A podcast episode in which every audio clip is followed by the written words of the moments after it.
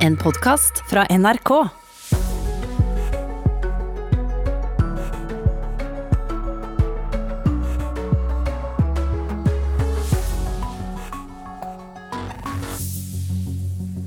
Velkommen til Nyhetsmorgen. Havnen i Beirut står i flammer, skip brenner og vinduene i hus over hele byen er blåst ut. Dette er scenene i Libanons hovedstad etter de to voldsomme eksplosjonene i går. Minst 78 mennesker er nå bekreftet døde, og 4000 er skadet. Stakkars Beirut, sier NRKs utenrikssjef om en by som allerede var på knærne. Samferdselsministeren varsler innstramming i bruk av elsparkesykler, men hva kan de egentlig gjøre, lurer vi på. Det har gått lang tid, men nå får flere barn av sovjetiske soldater greie på hvem fedrene var. To dager før han døde, så fortalte han det at han hadde en sønn på Kirkenes skal vi også til kaia i Bodø, der alle om bord på et eh, cruiseskip nå er ilagt eh, karantene. Og I studio denne morgenen, Ugo Fermarello og Anne Jetlund Hansen. Vi begynner i Beirut. Korrespondent Sissel Wold, hvor står du? Jeg står like ved havnen, og her eh, ryker det kraftig fremdeles etter eh, eksplosjonene i går. Det jeg ser rundt meg er totalt ødelagte bygninger. Eh, de fleste strukturene til bygningene står, men alle vinduene er blåst ut. Veldig mye av inventaret er ødelagt. Og dette er jo det nyoppbygde sentrum, som er så flott, som ble bygget opp etter den totalt ødeleggende borgerkrigen som raste i denne byen i 15 år. Kan du beskrive og sette ord på stemningen i, i byen denne morgenen etter disse voldsomme eksplosjonene? Ja, stemningen er forferdelig trist. Og alle er bare helt i sjokk. Fordi at uh, dette er jo en by som ligger på knærne fra før. Uh, det er covid her. Det er uh, totalt kollaps når det gjelder økonomien. Og hvordan i all verden skal Libanon kunne kjøpe hjelp og varer til det de trenger å reparere nå? Men i det hele så har både Israel, Iran og Saudi-Arabia, tre land som akkurat ikke er venner fra før, tilbudt hjelp. Men eh, alle som vi treffer, er jo helt rystet. Vi snakket med folk i går kveld, eh, voksne menn som har opplevd borgerkrigen og sett mange politiske attentat og bilbomber i denne byen. Og de sier at de har aldri hørt en større eksplosjon. Den ene sa at det var nesten som å høre en atombombe. Og vi så jo alle denne enorme røyken som steg opp, som så ut som en sånn sopp nesten, som var først helt, helt eh, rosa. Og, og vi tenkte kanskje at det var en eksplosjon i et aggregat eller noe stort, men det som skremte mange, var at det var jo et type jordskjelv som, eh, som, innledet til dette. Hele byen ristet i mange sekunder. Og det kjente jo alle over absolutt hele byen. Og helt til Kypros så kjente de eh, skakingene og effekten av denne eksplosjonen. Så vet vi da at det er et lager med, med nesten tre tonn eh, sprengstoff som, som, gikk i luften. Men vet vi, vet myndighetene noe om årsaken? Ehm, det eh, president Michelle Aoun sier i dag, er at dette lageret med ammoniumnitrat, også dette er jo en type som brukes i kunstgjødsel og i bomber, at det var hentet fra et skip som enten sank eller ble beslaglagt. Det har ligget her på havna i seks år, og det har vært usikret. Og antageligvis så ble dette, denne eksplosjonen utløst av at noen sveiset i nærheten. Og dette er jo midt i sentrum, og her er det jo masse eh, forretninger, hoteller, næringsliv. Det er mange som bor her i dette dette veldig tett befolkede området. Og at dette er usikret, det er jo noe som mange nå er rasende for. Hvordan i all verden kunne dette skje? Og folk er jo veldig opprørt over det de mener er et totalt udugelig lederskap fra før, som har brakt landet ut i denne eh, krisen når det gjelder økonomien. Og her jeg står nå, så ser jeg over på en stor plakat hvor det står 'Power to the people', altså makten til folket. Og det er jo flere her vi har truffet som ønsker en revolusjon, rett og slett. At uh, denne ledelsen, som de mener er totalt udugelig og korrupt, bare må gå av. Eh, og dette kan jo bringe frem nye sterke reaksjoner og demonstrasjoner de neste dagene i et land som har så mye problemer eh, fra før. Dette var virkelig det siste dette landet trengte nå, oppi alle problemene sine.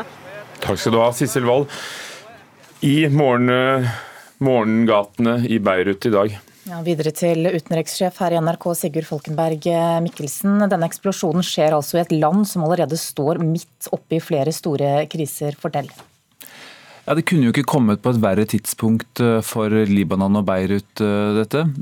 De står oppe i en økonomisk krise som er dyp, som er dypere enn kanskje noe de har eh, kjent på tidligere. Libanon har jo alltid på en eller annen måte klart seg. Eh, jeg har noen gang tenkt på det som en katt som alltid faller ned på bena. Men denne gangen så det, ser, ser, det verre ut. Eh, eh, valutaen har vært i fritt fall. Folk er sultne. Middelklassen blir fattige. Altså det, har vært en, har vært en sånn veldig raskt eh, fall nedover for økonomien, kombinert med en politisk krise. Eh, veldig mange libanesere har mistet total tillit til sine egne politikere og hele dette politiske systemet, som er basert eh, fra på et, på et sekterisk system, der de kristne får så og så mye representasjon, sjiamuslimene får så og så mye representasjon, sunnimuslimene, statsministeren osv., som ikke fungerer, og som libanesere, veldig mange libanesere mener bare har ledet til korrupsjon eh, og, og, og vanstyre. Eh, og så Oppå dette kommer koronaen. Eh, sånn at De var allerede i en dyp dyp krise. Så får de altså denne eksplosjonen som er så ødeleggende at det er nesten ikke til å fatte. Hvor hele sentrum av byen er påvirket på en eller annen måte. Hva kan det bety for Libanon og for Beirut? For det første så er, dette da en, en krise for alle som bor der. Eh, eh, de som er, bor nærmest havna, som Sissel sa. Denne havna ligger midt i sentrum. Eh, og Noen av de verst berørte områdene er områder med mange butikker, et uteliv som riktignok ikke fungerte så godt nå, for folk hadde ikke råd til å gå ut. Men, men, men en, en, viktig del av sentrum. Men bare for å ta en praktisk ting. da, altså Dette er den største havna i Libanon. Veldig mye av det de trenger for å overleve, hvete drivstoff, alt sånne ting, det går gjennom havna i Beirut. Hvordan skal de få inn alt dette nå? Eh, det er, eh, det er ikke noe gode svar på. Sånn at de står overfor en sånn umiddelbar logistisk utfordring. Også på litt sikt, hvordan skal de ha penger til å bygge opp dette landet? Det er heller ikke noen gode svar på. Særlig fordi tilliten mellom folk og lederskap er brutt. Så jeg, jeg tror at Libanon kommer til å trenge mye internasjonal hjelp framover. Mm, dette er jo ikke første gang landet rammes av en katastrofe. Kan du minne oss litt om hva landet har gått gjennom? Ja, altså, eh, Libanons eh, eh, skal vi si, elendighet begynte på 70-tallet med en borgerkrig som varte og varte. Eh, eh, den tok en form for slutt eh, i 1989, men det ble aldri ordentlig, ordentlig fred, i den forstand at de syriske styrkene ble stående, og en viss form for gjenoppbygging begynte, men, men det tok tid. Og så ble statsminister Rafik Hariri, han som sto for mye av gjenoppbyggingen av sentrum, det som, det som, mye av det som nå er ødelagt, han ble drept i en bilbombe. Og like etter det kom en voldsom og ødeleggende krig mellom Israel og Hizbollah i 2006 eh, hvor store deler av Beirut også ble ødelagt. En litt annen del av, det, av, av byen enn det vi ser, eh, ser, ser ødelagt eh, nå. Eh, og så har de da levd i skyggen av den syriske borgerkrigen, eh, som også har påvirket landet enormt. Eh, gjort, mye, mye, gjort, alt mye vanskeligere, i tillegg til at de da har tatt inn over en million syriske flyktninger, og dette i et lite land med rundt fem millioner innbyggere. Sånn at de har vært gjennom enormt mye, og så kommer da denne eksplosjonen på et tidspunkt hvor, hvor det er vanskelig å se, se, se, hvor det allerede var vanskelig å se noen vei videre. Mm, så sier du at de kommer til å trenge internasjonal hjelp. Hva skal egentlig til da, for at de nå skal komme seg på, ned på beina også denne gangen? Ja. Det er ikke godt å si. Altså, Beirut er en by som, som, har overlevd det meste. Eh, men det er vanskelig for å si at de skal klare dette på egen hånd. Eh, og de må eh, få en eller annen form for, for internasjonal bistand, vil jeg tro, for å, for å klare å, å, komme seg videre. Når man ser på ødeleggelsene som, som, er i byen. Og særlig da dette, dette med, med, logistikken. Hvordan, hvordan, få inn mat og helt nødvendige, nødvendige varer til folket. Ok, Takk skal du ha, Sigurd Folkenberg Mikkelsen, utenrikssjef her i NRK.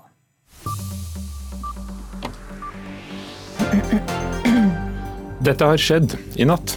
I Beirut i Libanon har redningsmannskaper lett etter overlevende i ruinene i havneområdet etter de to voldsomme eksplosjonene i går kveld.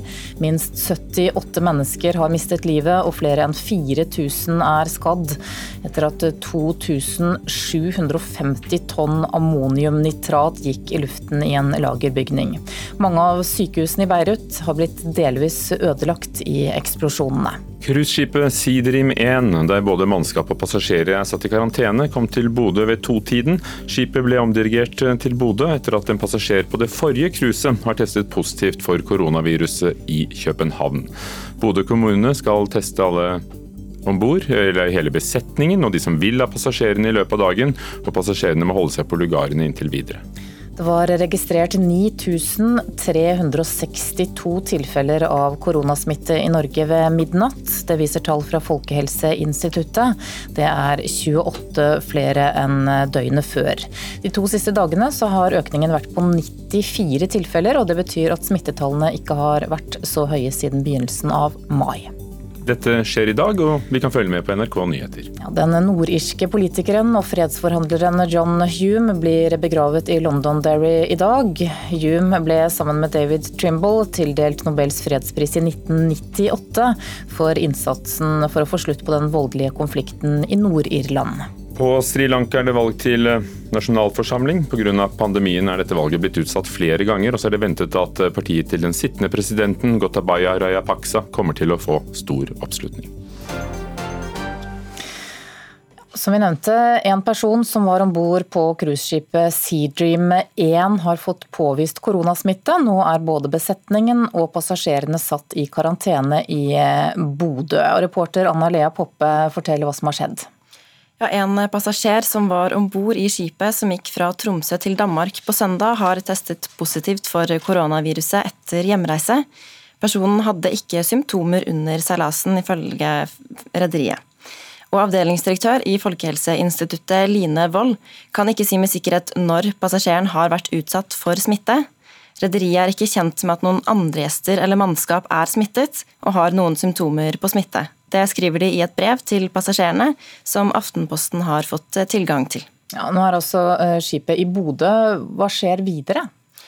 Ja, Ifølge Avisa Nordland så ankom skipet Bodø rundt klokka to i natt. og Bodø-ordfører Ida Pinnerød opplyser at de tar situasjonen på alvor, og at verken mannskap eller passasjerer får lov til å gå i land.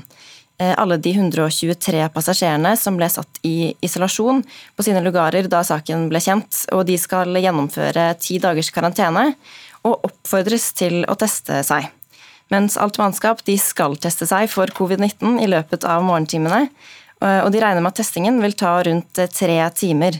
Prøvene skal deretter analyseres ved Nordlandssykehuset, og svarene får de trolig i kveld. Takk skal du ha, reporter Anna Lea Poppa. Vi skal eh, ha mer om denne saken litt eh, senere i sendingen. Da skal vi bl.a. direkte til havna i Bodø. Klokken er 17 minutter over syv. Dette er Nyhetsmorgen i NRK. Minst 78 mennesker er døde og 4000 skadd etter to voldsomme eksplosjoner i havnen i Libanons hovedstad Beirut i går kveld. Netthandelgiganten Amazon etablerer seg i Norden. En BI-professor spår butikkdød også i Norge.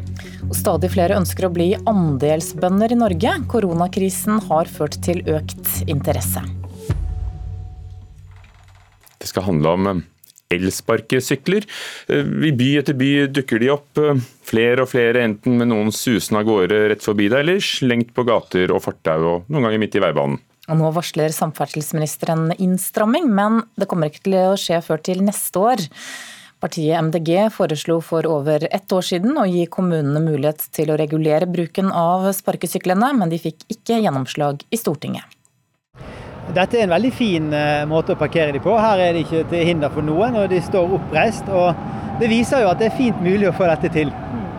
Nestleder i MDG og byrådet i Oslo, Arild Hermstad. På Rådhusplassen i Oslo.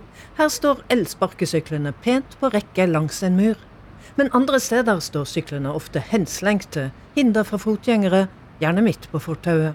Og om MDG var tidlig ute i Stortinget, har de fått kritikk, særlig i sosiale medier, for håndteringen av elsparkesyklene i Oslo.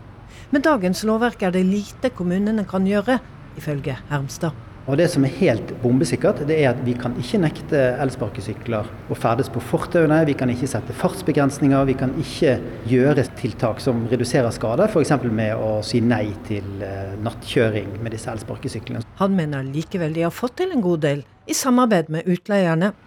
Det eneste som vi kanskje burde vært raskere ute med, det var å samle inn syklene og eh, be selskapene om å betale for å få de ut. Det har vi nå satt i gang eh, med i disse dager i Oslo, skal vi begynne med.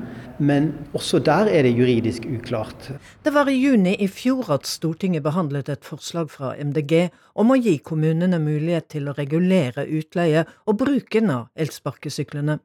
Arbeiderpartiet var blant partiene som stemte mot. Det hadde de kanskje ikke gjort i dag, sier partiets transportpolitiske talsperson Sverre Myrli.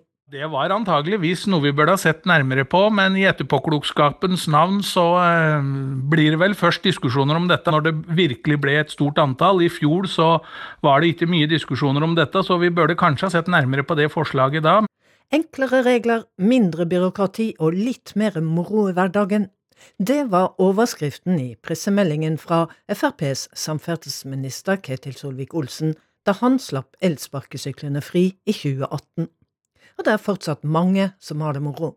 Men samtidig etterlyser flere strengere regler. Myrli understreker at elsparkesyklene er kommet for å bli. Men det kan ikke være lovløse tilstander. Det er klart at Oslo og Bergen og de andre byene som opplever dette nå som problematisk, de må kunne ha muligheter til å lage et regelverk. Adressaten er samferdselsministeren også for Arild Hermstad. Og Da må Hareide, regjeringen, få eh, fart på sakene og få rullet ut et sånt regelverk, sånn at vi kan begynne å regulere det. Helt unødvendig, mener FrPs transportpolitiske talsperson Bård Hoksrud. Veitrafikkloven er veldig tydelig på hvordan man skal oppføre seg, og alle skal ta hensyn til andre trafikanter. Det skal også elsparkesyklistene gjøre.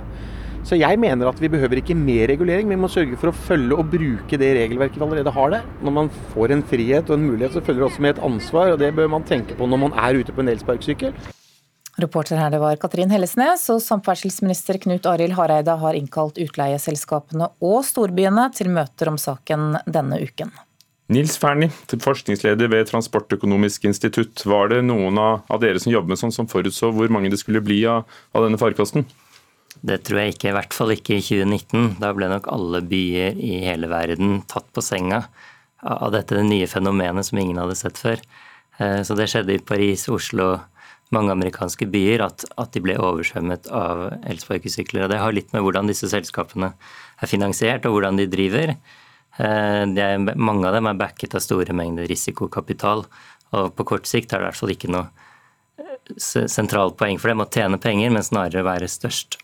Men det skjedde jo i byer um, hvor det ikke var mulig til å regulere dette. Dette var ikke lovlig inntil for en måned siden i Storbritannia. Da har det vært ulovlig å, å, å kjøre dem overhodet, selv private, inntil 4.7.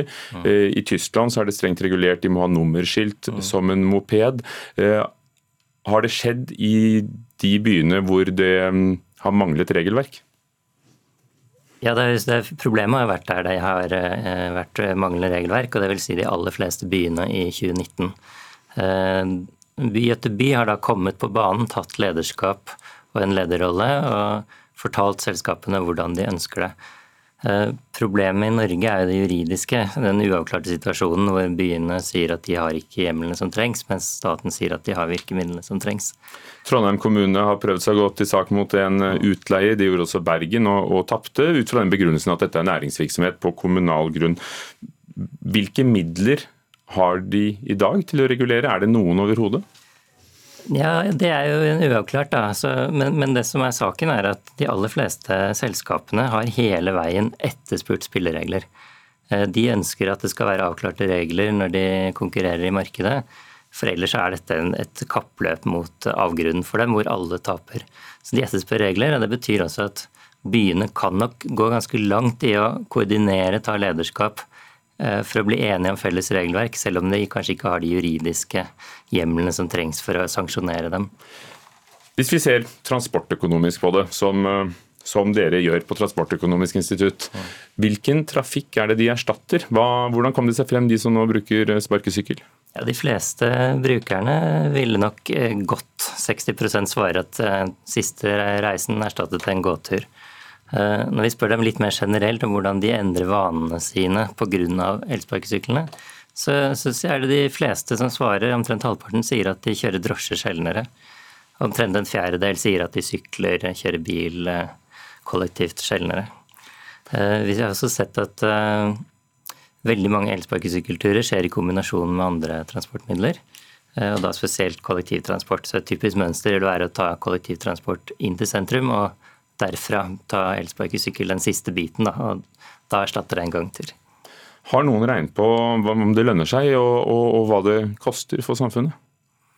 Eh, dette lønner seg i utgangspunktet, for dette er et kommersielt produkt som ikke mottar noen tilskudd. Eh, Men nå mente jeg samfunnsøkonomisk. Legevakten i Oslo behandlet 194 personskader bare i juli opp 155 fra i fjor og har tatt til orde for forbud om natten. Ja, Det er en veldig stor bekymring for trafikksikkerheten her, eh, og det er en av de tingene som det må tas grep om. Én eh, ting er regelverket, en annen ting er at eh, de fleste ulykkene skyldes infrastruktur, det er eneulykker og infrastrukturrelaterte. At det er hull i veien, glatt vei, grus, trikkeskinner, fortauskanter. Eh, det er det ene. Det andre er at eh, de alvorlige ulykkene de, de skjer ofte i, i, sammenheng med biltrafikk. og Da er det jo viktig å få separert eh, sykkeltrafikk fra biltrafikk. og Det er jo viktig også for vanlige syklister. Men foreløpig vet vi altså ikke uh, hvordan det samfunnsøkonomiske regnskapet er for elektriske sparkesykler. Nei. Det er ingen som rent.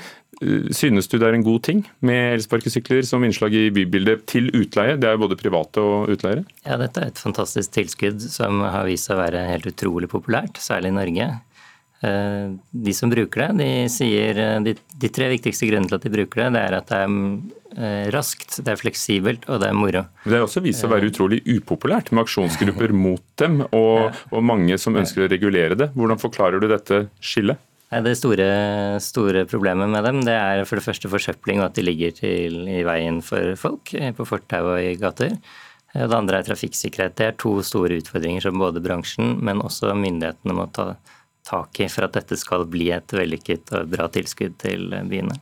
Og Det er jo det samferdselsministeren sier at han, han, vil. Takk skal du ha, Nils Fernie, forskningsleder ved Transportøkonomisk institutt. Takk.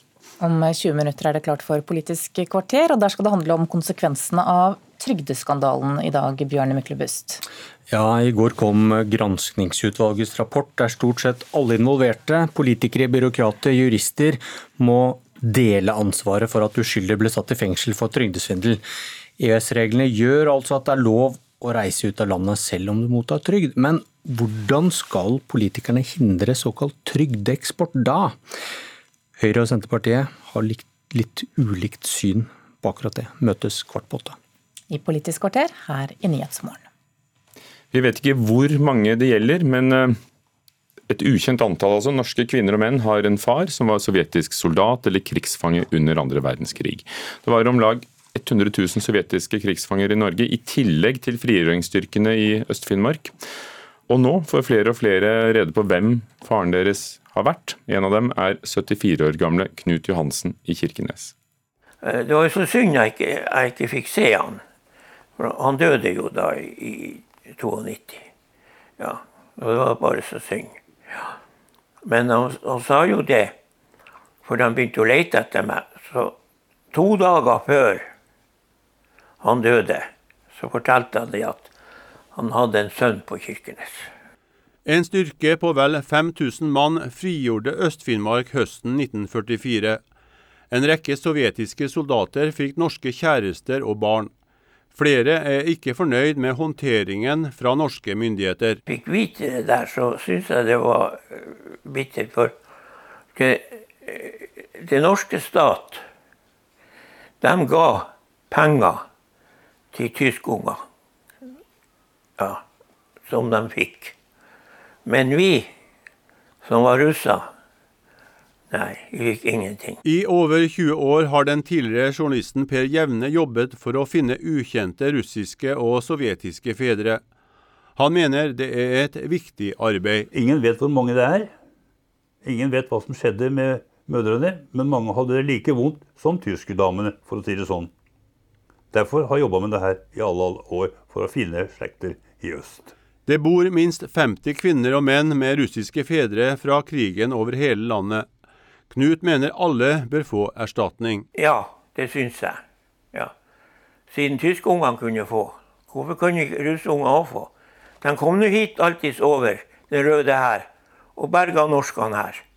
Ja. Så de skulle jo virkelig hatt erstatning.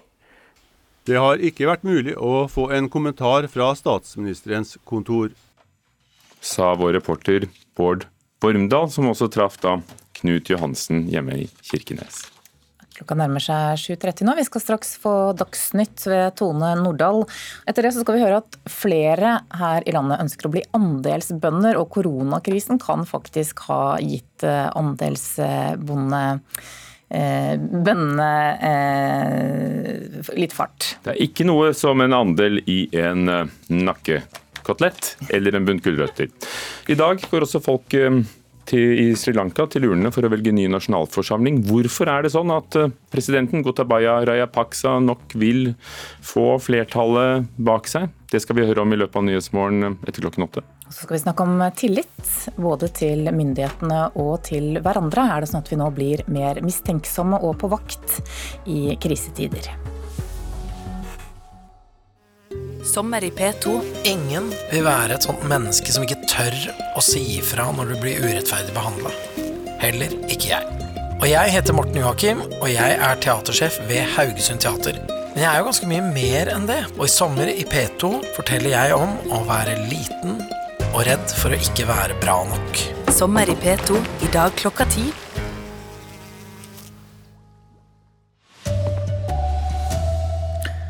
Folk i Beirut leter etter sine kjære. 78 mennesker døde i eksplosjonen i havna i går.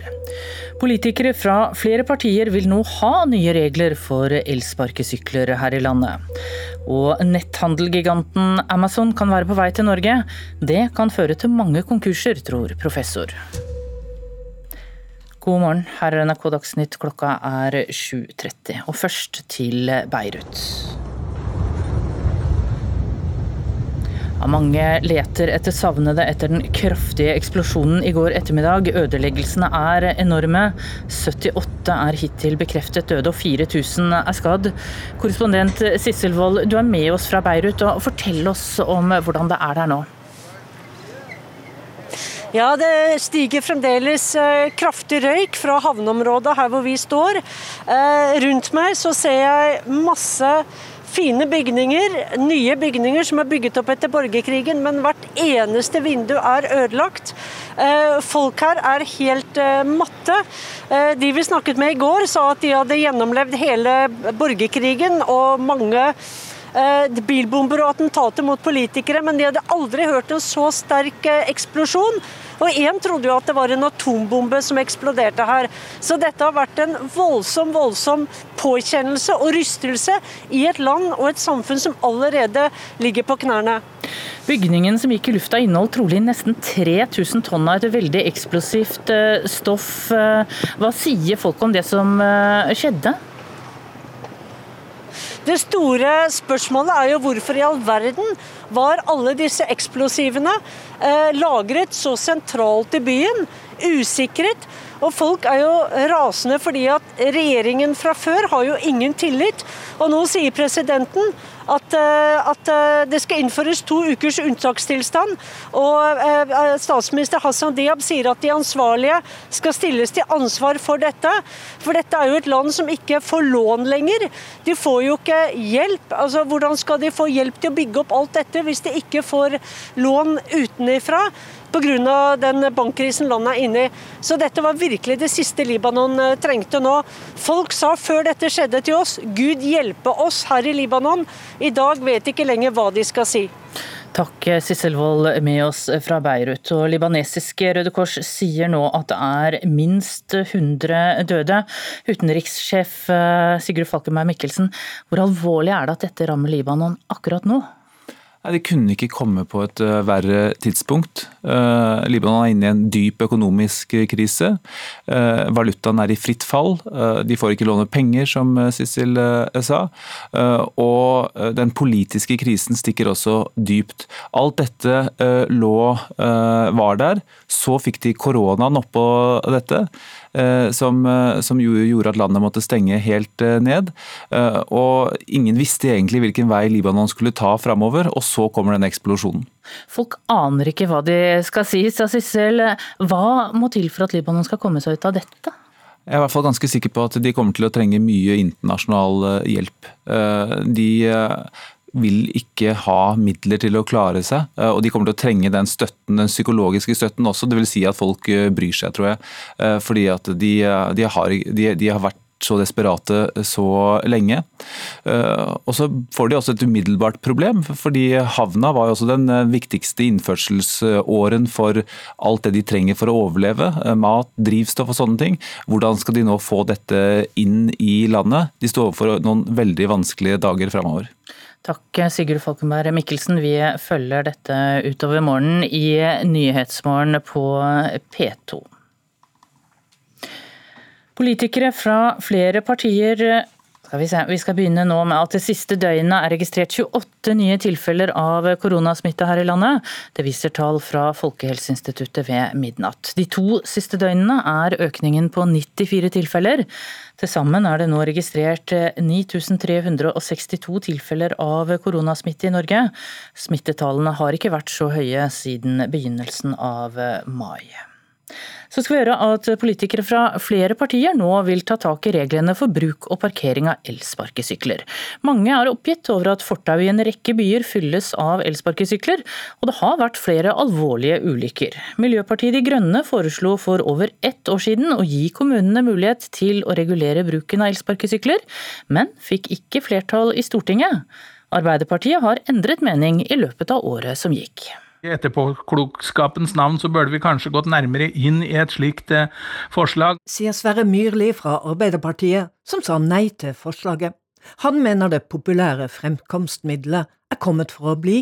Men det kan ikke være lovløse tilstander. Det er klart at Oslo og Bergen og de andre byene som opplever dette nå som problematisk, de må kunne ha muligheter til å lage et regelverk. Men om MDG var tidlig ute i Stortinget, har de fått pepper for håndteringen av elsparkesyklene i Oslo, hvor partiet har byrådsmakt. Med dagens lovverk er det lite kommunene kan gjøre, ifølge Arild Hermstad, byrådet i Oslo og nestleder i MDG. Han mener de likevel har fått til en god del, i samarbeid med utleierne. Det eneste som vi kanskje burde vært raskere ute med, det var å samle inn syklene og be eh, selskapene om å betale for å få de ut. Han snakker da om vettløst parkerte sykler, gjerne på tvers av smale fortau. Både Myrli og Hermstad etterlyser handling fra samferdselsministeren. Og da må Hareide, regjeringen, få eh, fart på sakene og få rullet ut et sånt regelverk, sånn at vi kan begynne å regulere det. Det trengs absolutt ikke mener Bård Hoksrud fra Frp. Veitrafikkloven er veldig tydelig på hvordan man skal oppføre seg, og alle skal ta hensyn til andre trafikanter. Det skal også elsparkesyklistene gjøre. Så jeg mener at vi behøver ikke mer regulering, vi må sørge for å følge og bruke det regelverket vi allerede har der. Reporter her var Katrine Hellesnes, og samferdselsministeren har innkalt utleieselskapene og storbyene til møter om dette denne uka. Karantenereglene kan være uoversiktlige for mange, mener jusprofessor Hans Petter Graver. En mann i Trøndelag risikerer bøter eller fengsel etter at han har blitt politianmeldt for brudd på reglene. Han har vært i Sverige, sier kommuneoverlege Leif Edvard Murvik Vonen i Værnes-regionen, som har politianmeldt mannen. Jeg hadde vært på grenseovergangen mot Sverige og mm, sett at det var ingen eh, kontrollpost synlig der. Derfor så fant han ut at han skulle prøve å dra over til Sverige, og han fant ut at det gikk veldig fint uten å bli stoppa. Men mannen var ikke den eneste som dro over til Jämtland for å handle. Så er det sånn at eh, karantenereglene er uklare? Nei, de er vel ikke egentlig uklare. Sier professor Hans Petter Graver. Men så er det jo veldig mange nyanser og eh, unntak og presiseringer av disse reglene som gjør at eh, de kanskje ikke er så uklare, men de er ganske uoversiktlige kanskje for mange. Reporter var Anette Hobsen, og den anmeldte mannen sier at han ikke føler seg som en lovbryter, men at han er forberedt på en straffereaksjon. Konkurransen fra netthandelgiganten Amazon kan føre til stor butikkdød i Norge. Det mener en BI-professor som har studert det amerikanske konsernet i mange år. I går ble det kjent at Amazon etablerer seg i Sverige, og mange tror at Norge nå snart følger etter. Jeg tror vi vil se butikkdød eh, i ganske stor grad, er jeg redd, i løpet av en halvt til ett års tid. Det sier Peder Inge Furseth, som er professor i innovasjon ved Handelshøyskolen BI. Verken han eller de andre som har fulgt med på Amazons ekspansjon, ble sjokkert da det i går ble bekreftet at de skal etablere seg i Sverige. Det her har vært venta lenge, etter at teknologiselskapet har ekspandert til flere og flere land i Europa. Furseth, som har forska på amerikanske Amazon i flere år og skrevet bok om netthandelgiganten, tror at veldig mange norske bedrifter kommer til å slite over hele landet. De bransjene som vil blø mest, er de som selger ganske standardiserte varer som er lette å transportere. Jeg tenker først og fremst på elektronikk, men det kan være sportsutstyr, eh, det kan være leker, eh, det kan være bøker. Handelsnæringen har i flere år venta på at Amazon skal etablere seg i Norge og forventningene er en blanding mellom frykt og spenning.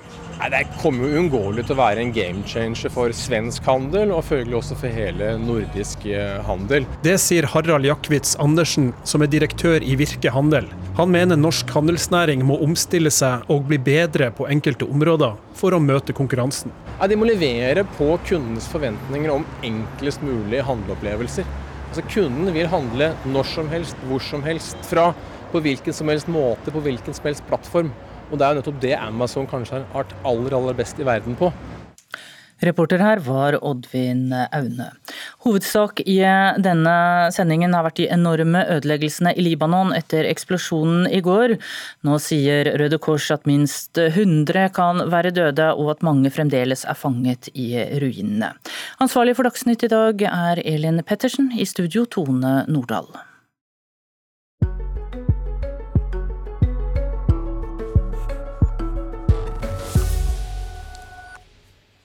Før Politisk kvarter, hvor det skal handle om trygdeskandalen og, og det som kom i rapporten i går, så skal vi se på andelsbruk her i Nyhetsmorgen i NRK P2 Alltid nyheter og på NRK1.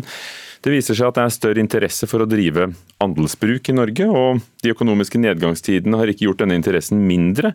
Mange har ønsket å bli i hvert fall litt mer selvberget gjennom å kjøpe seg inn i et gårdsbruk og, og få et utbytte av det som dyrkes.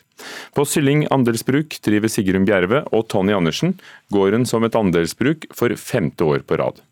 Nei, dette er sukkererter. Dette er sukkererter? Ja. Så erter er derfra, fra skiltet der og ned. Tonny Andersen, selve bonden på gården, gir beskjeder til andelshaverne som har kommet for å høste inn markens grøde.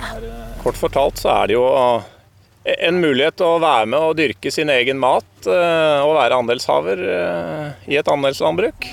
Og det er det mange som ønsker. 4000 nye kjøpte seg inn i norske andelslandbruk bare i fjor. Og i løpet av året har det kommet ti nye andelsgårder her i landet. Nå er det 90 gårder som drives som andelslandbruk i Norge. Og på gården i Sylling jobber de nye andelshaverne Bjørn Grimsrud og Anne Sofie Kjæbo med å høste sukkererter. Er det mest smaking på deg, eller? Nei da. Vi plukker mer enn vi smaker, altså. 50-50, vil jeg si. Ja. ja. Det er jo så kjempegodt, og så blir det så mye av det. Ja. Så nå er det sånn at vi nesten må plukke daglig for å holde det litt i sjakk. Altså. Hadde du tenkt at du noen gang kom til å bli bonde, du? Nei, egentlig ikke. Så, men, men, det frister, for vi syns jo det er litt trivelig da, å få lov til å håndtere litt den maten vi selv eh, skal spise. Og her nede, da, hvor du har alt usprøytet, og du selv liksom er med fra starten av, og liksom oppfølgingen hele veien. Så ja, det, det blir noe litt eget med det, altså når du setter deg ned rundt middagsbordet og spiser dette. Det gjør det. Det er mange som har opplevd eh, økt etterspørsel etter å kjøpe andeler, og mer interesse. Nå i våres. Da. Mm. Det sier Alexandra Devik, som er prosjektleder for andelslandbruk her i landet gjennom organisasjonen Økologisk Norge. Hun mener at vi både har fått bedre tid, at vi tenker mer kortreist og at vi bekymrer oss for mattilgangen framover. Og liksom sårbarhet da, i internasjonale eh, forhold. Og at ting kan skje og ting kan endre seg. og vi ikke helt vet hvor, hvor mye flyt vi kan ha over landegrensene. Så vi begynte litt i det små. Og eh, ja, vi har jo økt på egentlig da, fram til der vi er i dag. Nå har vi 50, 50 andeler eh, på, på gården her. Bonden sjøl jobber sammen med andelshaverne mens de høster. Store, frodige kålhoder, poteter, tomater og neper. I år blir det flotte avlinger. Nå er det god temperatur, nok fuktighet. Yes. Så nå, nå bugner det, for å si det sånn. Ja. Anne Marie Sylling og Torbjørn Enger har hatt andeler på gården noen år nå. De kommer gjerne flere ganger i uka. Og Anne Marie forteller hvordan de blir enige om hva de skal dyrke. Det er vi med på om høsten. Når vi har liksom en samling, en avsluttende samling, da, så er vi med og bestemmer liksom hva som har gått bra, og så hva vi vil ha neste år. Ja. Så hva ønska du, hva ønska du å dyrke i år? Ja, vi, vi, har hatt mais et par år, det har vi ikke hatt før. Og den, eh, den smaker mye bedre enn den i butikken. du er det mange som tror at du driver med sånn parsellhage? Ja, hvis jeg sier at jeg er med her, så spør de om ja, da har du en sånn liten parsell, da. Men, eh, men det er ikke sånn det fungerer. Her, er, eh, her, har vi alt sammen, og så får vi en eh, høstemelding. Er det en ukes forbruk, står det da, til den familiestørrelsen som du har meldt inn. Ja, hva jobber du med egentlig, da? Jeg jobber som pilot i, på redningshelikopter på Rygge, på Sea Kingen i Forsvaret. Ja. Så det er noe helt annet enn det her. Ja, det vil jeg si. Ja. Hva trives du best med, da? Å være pilot, eller?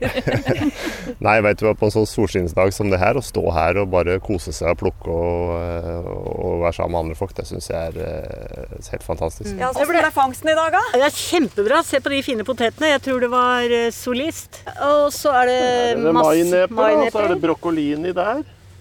Og savoykål og, og dette kunne jo ikke bli bedre. Det blir fullt i kjøleskapet ditt nå? Ja da, vi har flere. Jeg har lært av Bjørn må kjøpe en fryser til. Ja. Lykken kan altså være å være deleier i et andelsbruk, som Sylling i, i Buskerud. Karoline Bekkelund Hauge var vår reporter, og nå er det Politisk kvarter i Nyhetsmorgen med Bjørn Byklebust.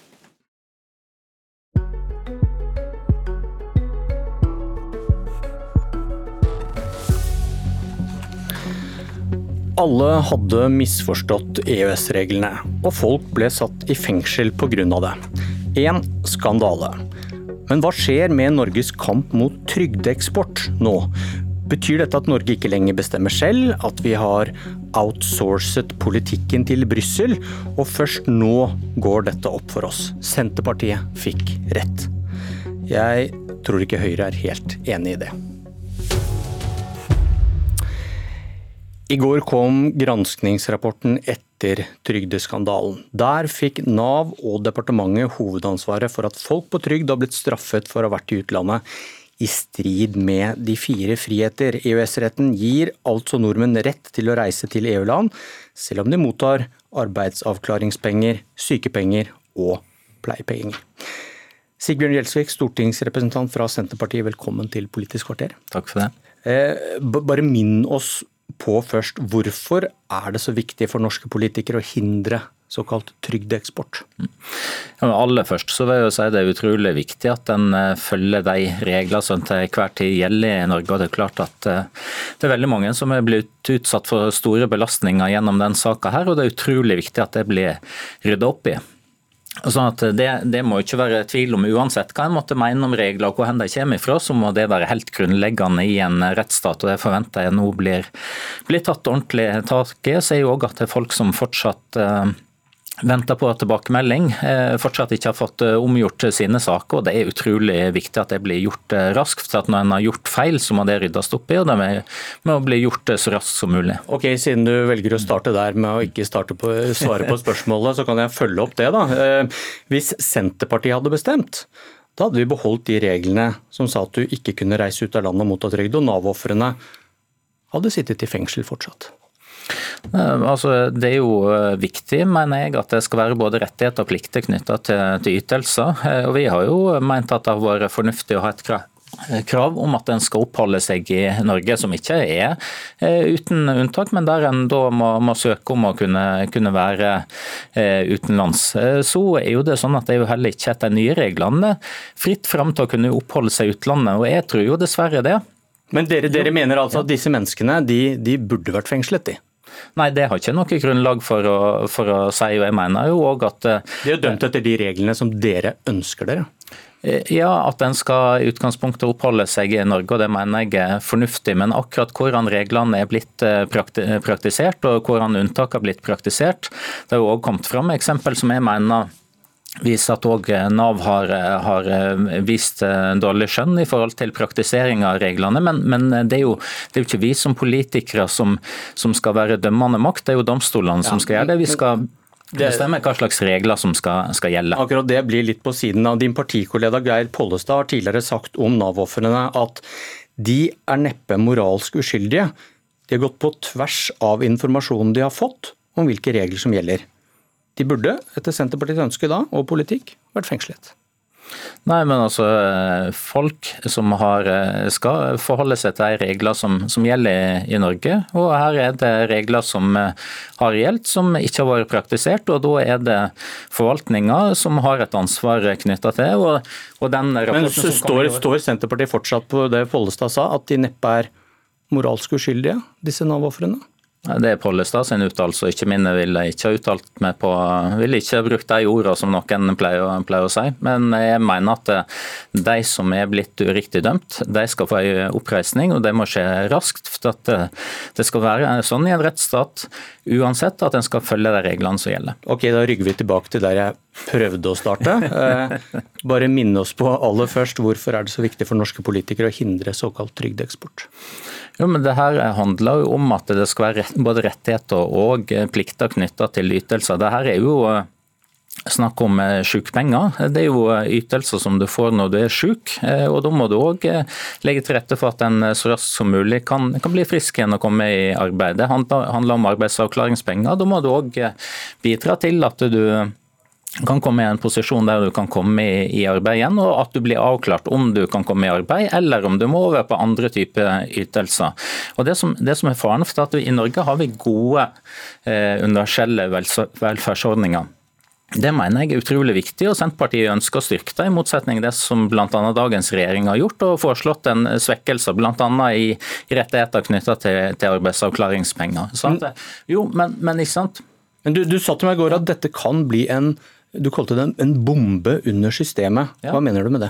Jo, med Det mener jeg at eh, de regler som vi, som vi, har i Norge i dag, de er gunstige. De skal være gunstige. Vi mener også at eh, fra Senterpartiets side mener at vi bør styrke de ytelsene både knytta til arbeidsavklaring, pleiepenger og sykepenger. Men da er det òg viktig at vi klarer å opprettholde eh, de forpliktelsene som er knytta til dem. Ellers så, så blir det sånn at det blir et økt press på og fra utenlandske borgere, naturlig nok selvsagt. Norge er et land med, med, med høye kostnader, og dermed òg relativt sett høye ytelser.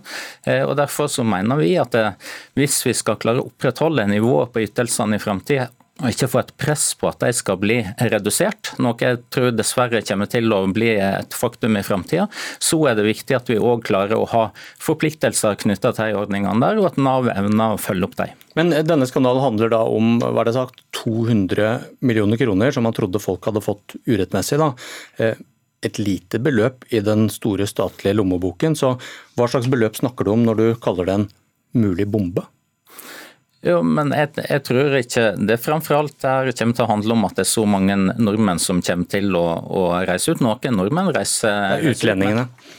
Ja, det, jo, men, jo, det er jo helt naturlig. Vi er en del av et felles eh, arbeidsmarked i, i EØS i dag, som gjør det at alle som er innenfor EU- og EØS-området, hvis en har oppholdt seg en gitt periode i Norge og hatt arbeid her, har rettigheter. Det, det skal en fortsatt ha. Men det er klart at det, Dersom vi i Norge har velferdsordninger eh, som er gode, eh, og som det ikke knytter vilkår og forpliktelser til, ja, så vil det bli eh, mer press på å bruke de fra borgere fra, fra andre land. Det er en, det er en logisk sammenheng. og derfor så... Og da snakker vi om milliarder, eller? Ja, det kan, kan, fort være snakk om eh, milliarder, absolutt. Og det, og det, som er interessant, er jo at her har jo et utvalg sittet nå og jobba et år. Og det en har avklart med rimelig grad av sikkerhet, er jo de regler som vi har hatt de har ikke vært praktisert riktig. Men derimot hva slags regler vi kan ha i framtida, det er de dels us usikre på, dels uenige om. Nå er det en som sitter og rister på hodet her. Men, jo, men, la... Eh, men, nå må vi la henne få ordet. Heidi Nordby Lunde, stortingsrepresentant fra Høyre, velkommen til deg også. Eh, ja, du rister på hodet. Kan, kan, du mener dette ikke kan være en såkalt bombe under det norske systemet, som undergraver det vi ønsker? Nei, vi skal huske på at EØS-avtalen sikrer at både norske borgere og bedrifter ikke blir forskjellsbehandla når vi jobber eller selger varer og tjenester i, i EU. og at Det er den gunstige delen av, av, avtalen. Men det at Norge har tolket reglene feil, som man har gjort, og som har ført veldig mange mennesker ut i utføre, kan jo ikke lastes EØS for. Vi har stort handlingsrom til å utforme norske lover og reguleringer slik at vi oppnår de politiske målene som vi ønsker her i Norge. F.eks. innførte vi bostedsplikt for å motta kontantstøtte, som gjelder både norske borgere og andre EØS-borgere. Så det at vi faktisk ikke har lagt EØS-avtalen til grunn når vi utformet eh, regler for å eh, prøve å forhindre bl.a. eksport av eh, norske velferdsytelser, det, jo, det, er jo norske politikeres feil. Så her mener jeg at Gjelsvik også tar feil når han prøver å skyve alt ansvar over på alle andre. Men du mener vi har det handlingsrommet som Gjelsvik etterlyser? Vi har, ikke bare har vi det handlingsrommet, men jeg mener også at vi har gjort endringer nå i arbeidsavklaringspenger uten egentlig å ha lagt Nav-skandalen til grunn, som bl.a. sikrer eh, at vi oppnår noen av de målene som Gjelsvik peker på. Men hvis man, hvis man f.eks. da stiller så strenge krav til aktivitet eh, til den som mottar en ytelse, at det i praksis blir umulig å reise ut av landet, vil ikke det være en uthuling av intensjonen i EØS-avtalen, som du er så glad i? da? Nei, ikke egentlig. fordi jeg tenker at... De fire friheter, du skal få bevege deg over landegrensene? Helt riktig. Eh, de fire friheter har vi hatt en forutsetning av i Norge. Nesten gjelder friske arbeidstakere som skal kunne reise friksjonsfritt over landegrensene og kunne motta sosiale ytelser dersom man f.eks. skader seg på jobb. Enten det er en polakk i Norge eller en nordmann i Polen. Men jeg tror den norske blindsonen først og fremst har vært knytta til at dersom du er syk arbeidstaker, så skal du ikke få lov til å reise med de sosiale ytelsene ut av Norge. Og det er det EØS-avtalen sier at ikke er riktig. Men du, men du, du sier du vil ha EUs fire friheter, men nasjonale regler som uthuller den? Nei, fordi at EØS-avtalen eh, eh, gjør at vi fortsatt kan legge eh, inn forutsetninger for å få de sosiale ytelsene, som f.eks. i arbeidsavklaringspenger. Har du en aktivitetsplikt, enten det er behandling eller jobbtrening, så har du fortsatt en plikt til å oppholde deg i Norge og delta i de aktivitetene. Men det som har vært urimelig, og som jeg mener denne skandalen nå gir oss mulighet til å se på, er jo om det er rimelig dersom legen din sier at det du nå trenger for å bli frisk er tre måneder med hvile. Da burde burde ikke norske myndigheter kanskje legge seg bort i om du gjør det i Norge eller i Spania. Og det er der veldig mange har blitt uh, dømt. Men vi kan legge krav til at du deltar på de aktivitetene som de ytelsene forutsetter. Påstanden er altså hvis vi bare lærer oss disse EØS-reglene, eh, e så kan vi gjøre som vi vil. Gjelsvik. Jo, men litt av utfordringa der er jo nettopp det at det er jo ikke opp til norske politikere og norsk forvaltning lenger å avgjøre. I siste instans så er det byråkrater og dommere som sitter en helt annen plass, som avgjør det. Og Det viser jo òg den utfordring som som utvalget her har hatt, der jo flertallet i utvalget har jo endra syn ifra de la fram sin første delrapport til andre delrapport, ut ifra nye dommer som har kommet til EU, en ny fortolkning av forpliktelser som gjelder både i EU og EØS-avtalen. Og det som, det som utvalget... hva, hva, var det du mente det illustrerte? Jo, Det illustrerer jo det at du har en utvikling i EU der du har regler som blir fortolka, og der det er fortolkning av EU som hele tida skal bli lagt til grunn, ikke den fortolkninga som Heidi Nordbø Lunde eller jeg sitter med her til enhver tid. Og, og Det som utvalget sier ganske tydelig, er at ja, vi kan stille krav, men samtidig så skal jo de kravene være forenlige med grunnprinsipper i EØS-avtalen. Og det er uklart hvor grensene går for det. Hva betyr det egentlig det at et krav skal være forholdsmessig eller nødvendig for å oppnå et formål? Hva betyr det at det ikke skal være for inngripende i forhold til de fire frihetene? Vel, det er jo det rettspraksis over tid som vil, som vil, avgjøre. Og igjen så er ikke det norske politikere, norske Stortinget som skal avgjøre det. Det er byråkrater og dommere i Brussel. Jo, det er jo sånn EØS-avtalen fungerer. og Hvis en nå etter den skandalen her sitter og forsøker å gi inntrykk av at vi fullt nasjonalt kan styre det så vil jo kunne komme inn nye Nav-skandaler der en tror at en har en handlefrihet nasjonalt, som viser seg i ettertid at en ikke har. Nå får Gjelsvik snakke veldig lenge på feil premisser. For det er helt riktig som han sier at EØS-avtalen ligger til eh, grunn, men vi har stort nasjonalt handlingsrom til å utforme lover og regler som gjør at eh, de som mottar ytelser i Norge, skal forholde seg til de eh, regler som vi eh, legger inn, og aktivitetsplikt innenfor de ytelsene. Men igjen, jeg mener at denne skandalen først og fremst viser at vi har har både et handlingsrom, vi må legge EØS-fortolkningen til grunn, men at det gir oss en mulighet til å forbedre de reglene vi allerede har, som f.eks. har en polsk arbeider brukket beinet i Norge, er det rimelig at vi da skal kreve at hun skal fortsatt være i Norge mens hun venter på å bli frisk, eller om hun kan få lov til å restituere seg i Polen. Det mener jeg er en feilfortolkning fra norske myndigheters eh, side. Men det er, helt, eh, det er ingen motsetning mellom å ha nasjonale lover og reguleringer, som eh, når vi utformer våre ytelser og kravene til de, og det å legge EØS-avtalen til bunn. Men det gjorde vi ikke. Altså, vi så jo bort fra EØS-avtalen, og så har vi skapt nasjonale lover og reguleringer som ikke er i henhold til den. Og det er det som er problemet. Så problemet er ikke EØS.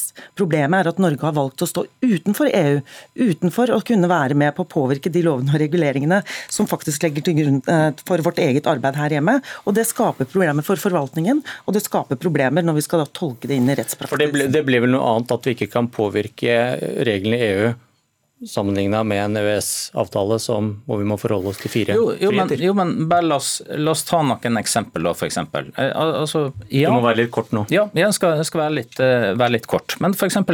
sykepenger. ikke sant? Så er det naturlig, ja, Du skal ha et krav til at du skal måtte forlenge eh, sykemelding, at du skal òg ha, ha rettigheter knytta til, til, det. Men det er jo klart for en som oppholder seg i et annet land, så vil jeg naturlig nok si at det er altfor inngripende at jeg skal måtte forholde meg til en norsk lege eller eventuelt reise til Norge. Dette må jeg kunne forlenge i et annet land. Og, og Sånn vil du kunne finne eh, grensedragninger hele veien. ikke sant? Og Litt av systemet har jo nettopp vært det at For oppfølging av de som, som er, er, syke, så skal en i utgangspunktet ha kontakt med en fastlege og skal ha et system som gjør at du fortest mulig kan komme tilbake igjen i jobb. Og De eksemplene som Heidi Nordbø Lunde eh, drar fram, er gode eksempel på at en fint kunne ordne det her innenfor eksisterende lovgivning. uten å Du må nesten bare riste intens på hodet, du har ti sekunder på å avslutte. Det er ingen motsetning mellom å legge EØS-avtalen til grunn og ha gode norske lover og reguleringer som sikrer arbeidstakere og norske bedrifters rettigheter internt i EØS. En levende debatt. Takk for at dere kom til Politisk kvarter. Jeg heter Bjørn Myklebust.